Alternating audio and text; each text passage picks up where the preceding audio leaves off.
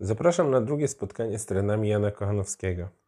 W poprzednim odcinku mówiłem głównie o trenach, które powinien znać uczeń szkoły podstawowej. Dzisiaj o tych, do których poznania są zobligowani uczniowie szkół średnich.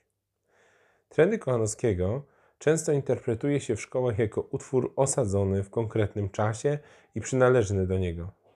Trochę szkoda, stają się one wówczas zamkniętą puszką, do której trzeba mieć renesansowy otwieracz.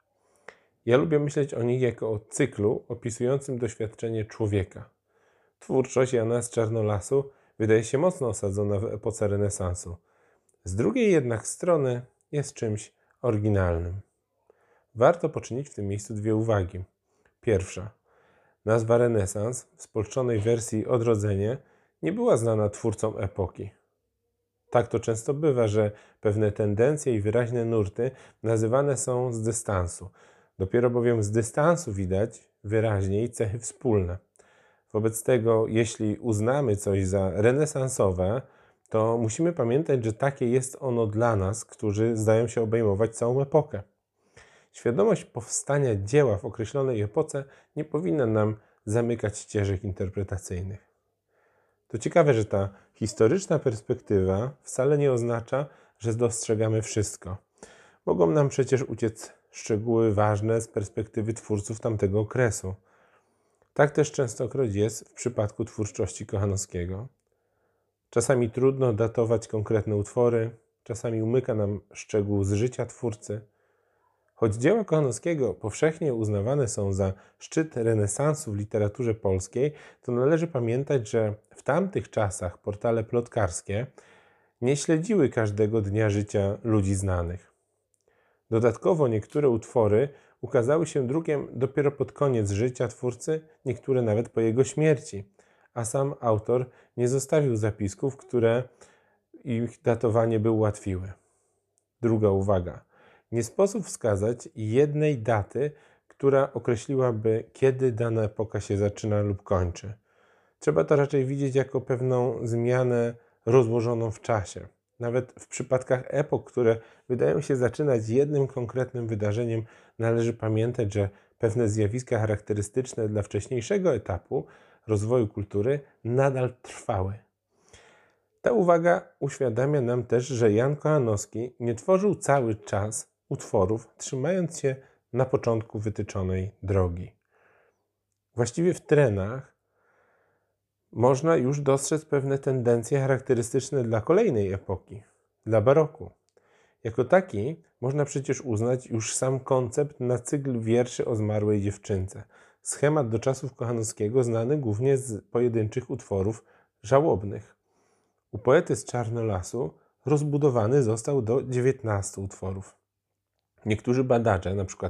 Mieczysław Hartleb, w trenach Jana Kochanowskiego widzą zapowiedź następnej epoki.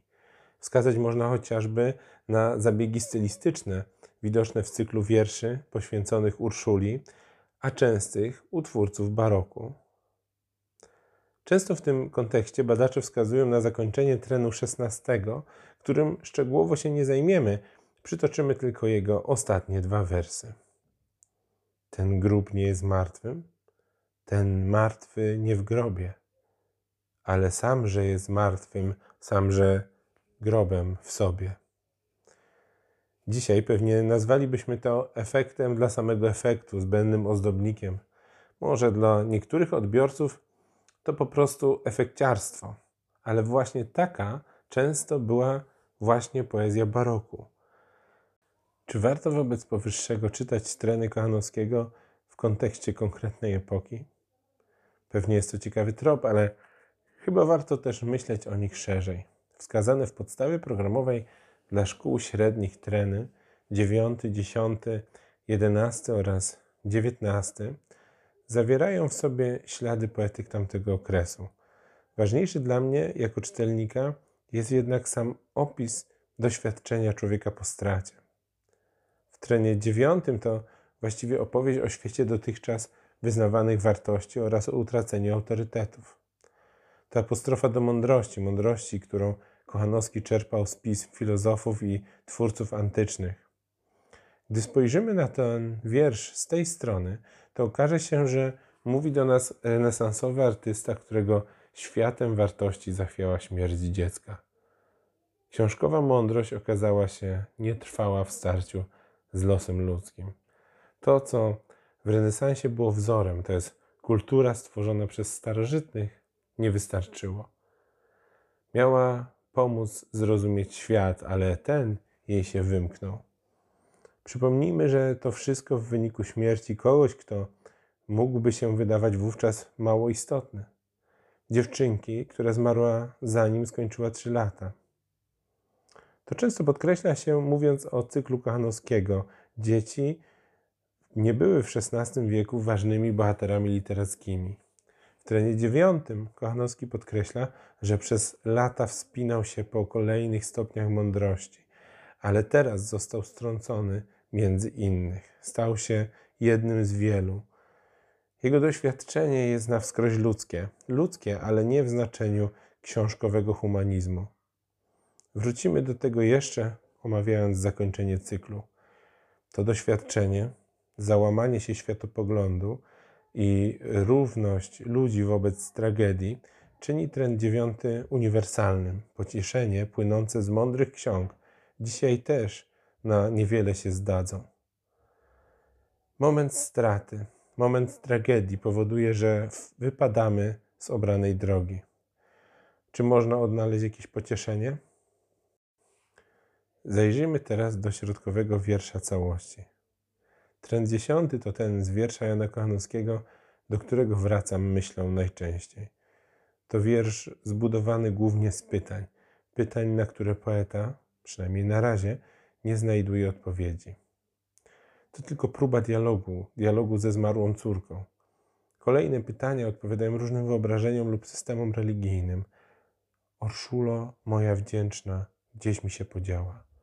No właśnie, to moment zwątpienia, że jakiekolwiek wyobrażenie zaświatów jest prawdziwe, czy to chrześcijańskie, czy to opisane w mitach greckich, czy nawet przedstawione przez takich filozofów jak Platon, który pisał o tym, że dusze po śmierci wracają tam, skąd przyszły. Nie ma odpowiedzi na pytania. I ten brak odpowiedzi prowadzi poetę do stwierdzenia, które stało się jednym z najbardziej rozpoznawalnych cytatów w literaturze polskiej. Gdzieśkolwiek jest, jeśli jest, lituj mej żałości.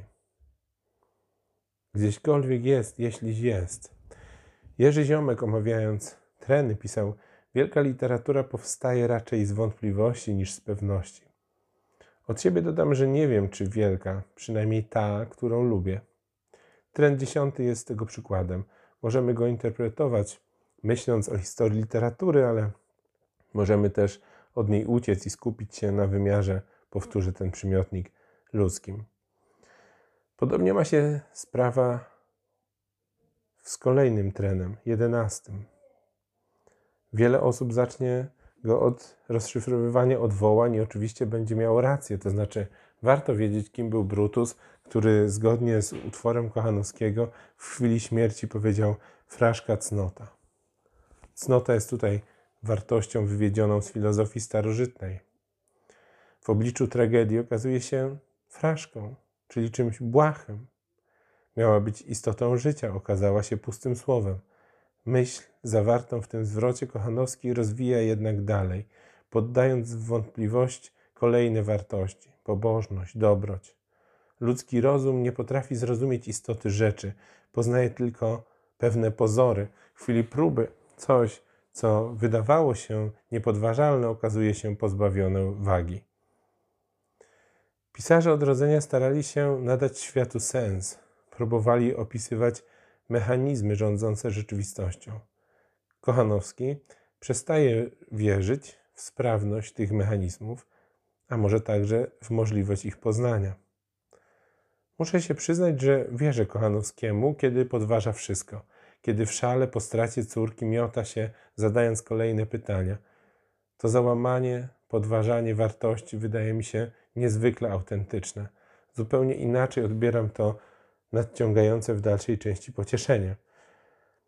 Gdyby to było pogodzenie się z losem, może inaczej, gdyby to było tylko pogodzenie się z losem, to może nadal bym mu wierzył. Ostateczne pocieszenie przychodzi we śnie. Ze świata zmarłych do Jana Kochanowskiego przychodzi jego matka, trzymając Urszulkę na rękach. I to właśnie matka poety wygłasza pouczenie. Z jednej strony jest to zachwalanie życia po śmierci. Opłakiwanie córki nie ma więc już sensu, ponieważ żyje ona życiem ważniejszym. Duch, zgodnie z trenem XIX, jest szlachetniejszy od ciała. Nasze ziemskie rozkosze, które ominęły wcześniej zmarłą Urszulkę, są niewiele warte w porównaniu z tymi czekającymi w niebie. Ta część brzmi co najmniej naiwnie. Mówię to oczywiście z perspektywy czytelnika XXI wieku, ale wydaje się, że po rozterkach opisanych we wcześniejszych utworach cyklu nadal trudno uwierzyć, że wystarczy we śnie usłyszeć obietnicę, że po śmierci czeka na człowieka lepsze życie. Wizja wiecznej szczęśliwości zderzona jest z troskami życia doczesnego. Kochanowski wylicza dość szczegółowo zalety zaświatów i wady życia na ziemi.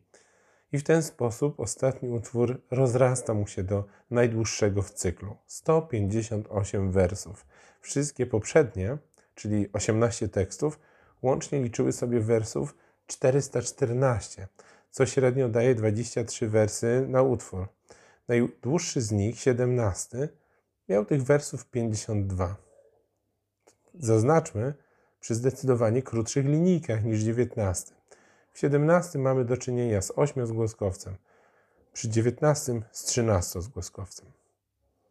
Takie rozbuchane zakończenie, będące poszukiwaniem punktu oparcia poza granicami naszego świata, jest także charakterystyczne dla ludzi baroku. I może nie tyle chodzi o fakt, że Jan Kochanowski wyprzedza następną epokę, ale może myśl renesansowa już się wyczerpała nie wystarczyła, aby opisać całe doświadczenie. Trudno pogłębić w tym miejscu te refleksje, żeby nie zgubić z oczu najważniejszego tematu tego odcinka. Szczególnie, że nie powiedziałem jeszcze o ostatnich czterech wersach trenu XIX, które jednocześnie kończą cykl. Stanowią więc właściwie puentę całej opowieści. Szczególnie ważne wydają się słowa kończące pocieszenie wygłoszone przez matkę. Tego się, synu, trzymaj – a ludzkie przygody ludzkie noś. Jeden jest Pan smutku i nagrody. Dzisiaj w XXI wieku te słowa wymagają pewnego wyjaśnienia, szczególnie te najważniejsze. Ludzkie przygody, ludzkie noś, mówiąc najkrócej, sprawy ludzkie znoś po ludzku. Ta gra słów, pozornie zbliżająca się do banału, ma podkreślać, że należy być po raz kolejny ten przymiotnik ludzkim. I smutki, i radości są częścią naszego życia. Mądrość, mądrość, która tego nie uwzględniała, nie mogła się sprawdzić w obliczu śmierci bliskiej osoby. Treny kończą się jak swoista literacka rozprawa filozoficzna z budowaniem nowego humanizmu, który może, jak czynią to niektórzy badacze literatury renesansowej, nazwać humanizmem religijnym. Nie była ona obca także innym utworom Kochanowskiego. Tutaj jednak w obliczu osobistej tragedii przybiera dość szczególny wymiar. Po słowach matki podmiot liryczny stwierdza tu zniknęła, jam się też ocknął, acz prawie niepewien, jeślim przez sen słuchał, czy na jawie. Prywatnie dodam, że podtytuł ostatniego trenu, sen, lubię interpretować jako ale to może innym razem. Pozdrawiam serdecznie i zachęcam do słuchania kolejnych odcinków podcastu Gęba Pełna Frazesów. Znajdziecie też mnie na Facebooku. Możecie także napisać maila na gęba pełna frazesów małpa gmail.com bez polskich znaków. Do usłyszenia.